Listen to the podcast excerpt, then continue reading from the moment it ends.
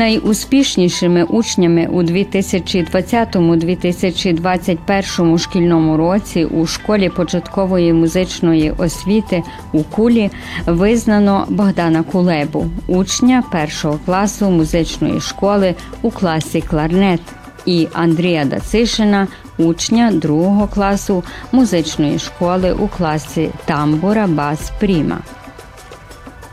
З нагоди цього визнання ми відвідали школу початкової музичної освіти у Кулі, де зустрілися і розмовляли із директоркою школи Веріцею Ожегович, яка розповіла нам про значний успіх цих двох учнів музичної школи. Mi se trenutno nalazimo u svečanoj, dakle, koncertnoj sali Škole za osnovno muzičko obrazovanje u. E, povod za ovaj razgovor jesu nagrade naših učenika. Ovom prilikom smo izabrali najuspešnije učenike ove školske godine, iako imamo još učenika koji su nastupali na takmičenjima i doneli veoma lepe nagrade školi. E, dakle, izdvojit ćemo ovog, ovog, ovog puta dva učenika, jednog e, u prvom razredu na instrumentu klarinet, on se zove Bogdan Kuleba, i drugog dečaka na instrumentu bas prim, dakle sa trzačkog odseka, koji je drugi razred osnovne muzičke škole. E, njih dvojice su ove godine nastupali na veoma ozbiljnim takmičenjima. Najpre, mislim da je Bogdan, uh, uh, sad ne mogu da lociram tačno koji je mesec bio u pitanju, nije ni bitno, na takmičenju u Sremskoj Mitrovici, Sirmium Music Fest, gde je on praktično se prvi put u svom životu pojavio na takmičenju i osvojio ni manje ni više nego punih 100 bodova. Dakle, najbolji je bio u toj kategoriji. On već pa unazad možda dve, tri godine, pre nego što je krenuo da svira klarinet, po svom uzrastu. Svirao i druge duvačke instrumente, frulice i slično tome, obzirom na činjenicu da je njegov profesor e, i njegov otac, pa je imao tu sreću da može ranije da počne da izučava duvačke instrumente. Ušao je u problematiku svih tih e, načina izvođenja raznih duvačkih instrumenta i klarinet jako lepo savladao.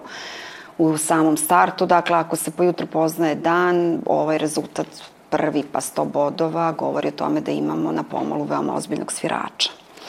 On je posle toga e, nastupao i na 26. republičkom takmičenju kamerne muzike, instrumentalista i pevača, koje je čiji je organizator Udruženje muzičkih i baletskih pedagoga Srbije. Dakle, imamo dva republička takmičenja, jedna, jedno i organizaciji muzičkih i baletskih škola Srbije, na kojem je, na kojem je drugi ovaj uh, učenik sa bas prima nastupao, dakle Bogdan na ovom drugom, takođe jako visoki bodovi, 98-75 bodova, opet prva nagrada i on je samo potvrdio da je veoma uspešan i veoma nadaren, što je pre svega i i posle svega najznačajnije. Međutim, da ponovim tu čuvenu rečenicu, bez e, rada taj talenat može onako samo da služi kao neka dekoracija, ali ništa ozbiljnije. U ovom slučaju, dakle, nadareno dete, pored toga što je nadareno i veoma vredno i uz pomoć svog profesora, rekoh oca, e, postigao rezultate koje je postigao.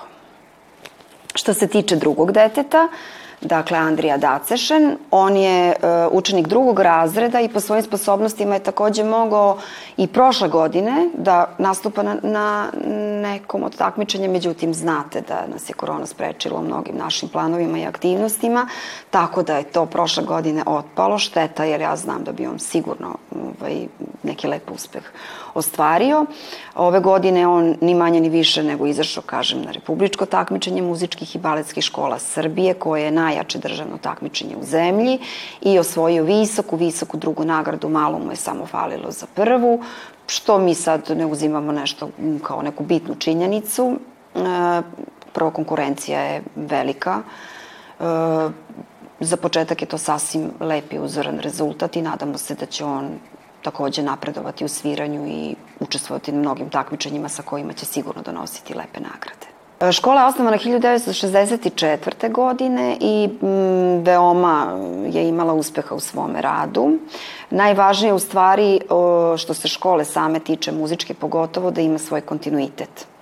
Budući da sam godinama bila direktor muzičke škole u Vrbasu, tamo smo imali jedan problem jer škola upravo nije imala kontinuitet u svom radu i to je jako posle bilo teško početi, ovaj, uvek kad se počinje, počinje se nekako da kažem, ajde, od pozitivne nule.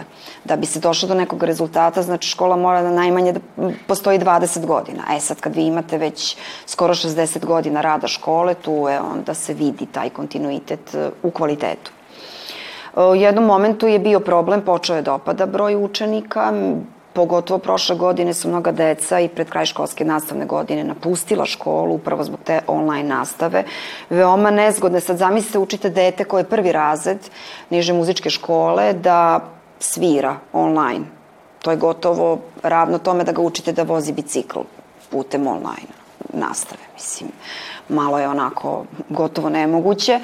I onda se to jako videlo, primetilo na početku ove školske godine gde su nedostaci, gde su rupe koje treba zakrpiti. Nastavnici su imali veoma ozbiljan zadatak da to odrade i na završnom koncertu škole se videlo da su ljudi radili ozbiljno svoj posao, a pogotovo se to videlo na završnom koncertu takmičara koji kada su zasvirali onda vam je moglo biti jasno koliko je i nastavničkog rata ovaj, u to uloženo.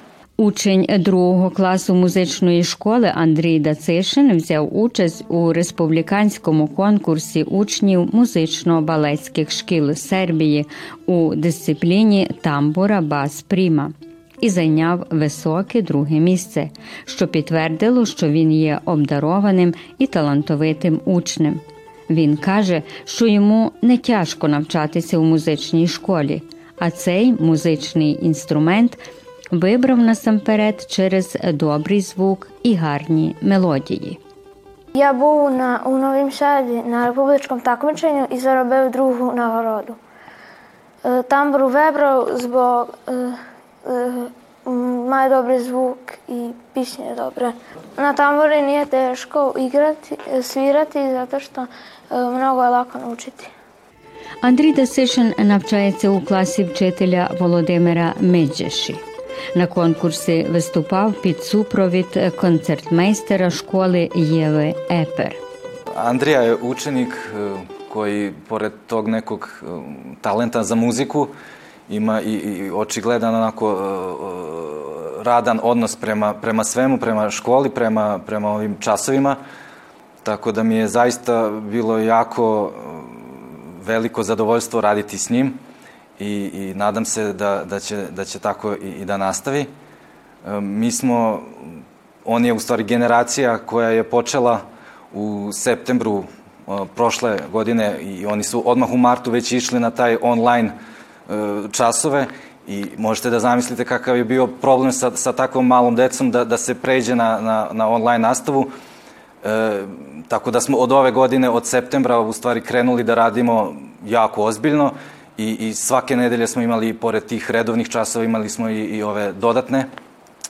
I tu je bila i nastavnica Eva Eper koja je s njim svirala i koja ga je pratila. Tako da, eto, mislim da je rezultat onoga svega, u stvari saradnja i, i njega i mene kao nastavnika i, i rezultiralo je tom, tom zaista odličnom nagradom i uspehom koji je, koji je ostvario. Tambura je sad već onako dosta poprilično otišla u, u dosta, dosta, da kažem, umetničke vode, iako je narodni instrument, ali se e, ozbiljno, zaista ozbiljna konkurencija postoji na svakom takmičenju i svake godine se onako iznenadim kad, kad čujem šta deca rade i koliko se u stvari iz godine u godinu napreduje. Tako da nije težak, jako puno instrument, ali kao i, i svaki instrument traži odricanje, traži vežbanje i kad se, kad se radi, onda svakako stižu i, i rezultati i nagrade. To republičko takmičenje se održava svake druge godine u Novom Sadu, u, u muzičkoj školi Josip Slavenski i, i tamo su učenici podeljeni po, po kategorijama.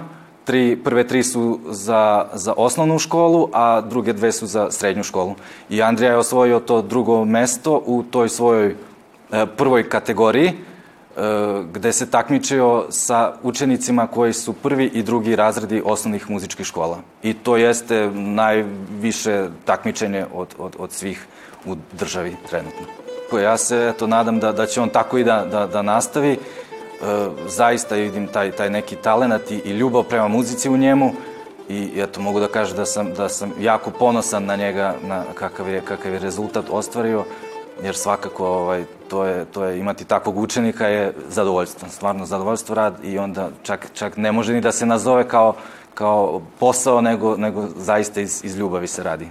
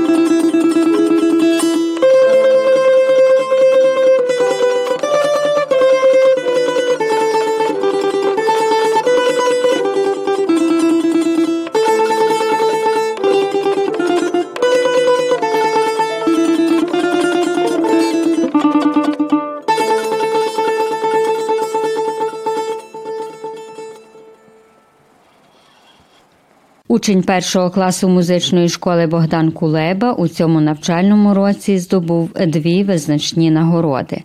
На п'ятому міжнародному конкурсі Сірмім Music Fest він отримав першу нагороду зі 100 балами. Другу визначну нагороду Богдан Кулеба отримав на 26-му республіканському конкурсі камерної музики, співаків та інструменталістів, на якому отримав другу першу нагороду. Богдан займається у класі викладача Ярослава Кулеби. На цьому конкурсі його супроводжувала концертмейстер школи Кая Мандич Плавшич. Е, Мій е, інструмент називається кларнет. І я отримав перше місце в Сремській Мітровіці і перше, друге місце в Белграді. Ну, я займаюся карате і, і люблю грати кларнет, і люблю йти в школу, гратися з друзями. Чому вибрав саме кларнет і чи тяжко займатися в музичній школі? Мені не важко займатися в музичній школі. Мені дуже подобається грати, грати в музичній школі і займатися тут. Е, Музична школа це мій другий дом. Мені на початку кларнет був дуже гарний інструмент і дуже подобався його звук. Тоді мені тато його показав, бо він на ньому і е, грає. І і мені сподобалося, що на кларнеті дуже багато е, музики можна грати. Визнання отримав і вчитель музичної школи Ярослав Кулеба, у класі якого навчається Богдан Кулеба. У 2020-2021 навчальному році Ярослав Кулеба визнаний найкращим вчителем року школи початкової музичної освіти у Кулі. Цей рік е, дійсно був насичений і, і трошки такий інакший, ніж е, другі роки, бо і в цілому світі, так само і у нас була ця пандемія коронавірусу, але якось боролися, е, старалися чим побільше займатися з дітьми, щоб чим побільше вони вивчили. Цього року я мав одного учня, який був на два конкурси. Е, Богдан. е, Він був на міжнародному конкурсу і там зайняв е, перше місце. Взяв 100 балів. Це є максимально скільки може учасник конкурсу отримати. І туди на цьому змаганні ми узнали про республіканський конкурс, який був три тижні пізніше. І за цих три тижні ми мали вивчити ще одну обов'язкову композицію, що в нас і вийшло. І е, на конкурсу він зайняв е, друге перше місце, е, бо один учасник мав щось за півбала більше оцінку, ніж він. З таким темпом займання я дуже радий, що, що він отримав такі нагороди. Діти в мене в моєму класі дуже, дуже, дуже стараються займатися. Наприклад, е, зі самого початку е, у вересні як почали займатися. Зразу після десь півтора місяця всі першачки, які перший раз взяли інструмент до рук, е, і які раніше взагалі не займалися музикою, були готові виступати на концерті. Хоч маленьку пісеньку, але вони вивчили, вони займалися, старалися. Таким самим образом і е, колеги мої замітили, е, побачили ці мої старання і мій труд, який я вклав в, працю з учнями, і е, визначили мене кращим викладачом цього нав- навчального року. Навчання гри на музичному інструменті кларнет має свої особливості. На кларнеті, па як і на кожному другому інструменті. Кожен інструмент він важкий по, е, по собі. Кожен інструмент має свою специфіку. Так само і кларнет. В кларнеті саме важче е, навчити, е, навчити дітей правильно дихати. Бо е, якщо вони правильно не дихають, е, це їм буде дуже важко. Е, Вони великі композиції не зможуть заграти. Е, Після пару хвилин гри на кларнеті їм зразу почнеться крутитися в голові. Е, Так що це є саме перше і основне, що діти мають вивчити правильно дихати. Е, А займання з дітьми в школі, а інколи буває, що воно важко, інколи не дуже. Все залежить від самих дітей, в якому вони настрої, чи вони займалися вдома, не займалися, чи замучені, не замучені. Завжди е, кожен урок е, треба шукати якісь е, нові підходи до, до дітей. Бо, ну, наприклад, може їм щось було цікавого на минулому уроці. Це саме е, на цьому уроці зараз вже не буде цікаво і буде е, потрібно знайти якийсь новий підхід, щоб щоб їх тримати, щоб їм завжди було цікаво, щоб вони любили свій інструмент, е, щоб вони то не, не, не розуміли як якийсь великий обов'язок, бо туди стають такі якісь бар'єри, що вони, можливо, не хочуть грати далі. Здається, що це важко, що вони ніколи не вивчать. Так що треба тримати, щоб вони були е, постійно зацікавлені. Чи ваш син пішов вашими слідами? То ваш вплив, що він почав займатися саме кларнетом? Па не казав би, що це є мій вплив. Е, Він як мала дитина, він бачив, як я готувався до якихось концертів, до виступів. Е, Його то цікавило. Е, Постійно, як чув е, в хаті чулося звук кларинету, то він постійно прибігав, слухав, дивився, як тато грає. А й сам почав десь мав 2 чи 3 роки, та перший раз взяв кларинет до, до рук, пробував, зацікавився тим. Я взагалі ніколи не не говорив йому, що мусиш іменно кларнет грати чи якийсь другий інструмент. Він сам вибрав цей інструмент, йому це подобається. Чи буде він далі продовжувати з тим, чи стане він як тато професійний музикант, чи не стане, то вже час покаже. Thank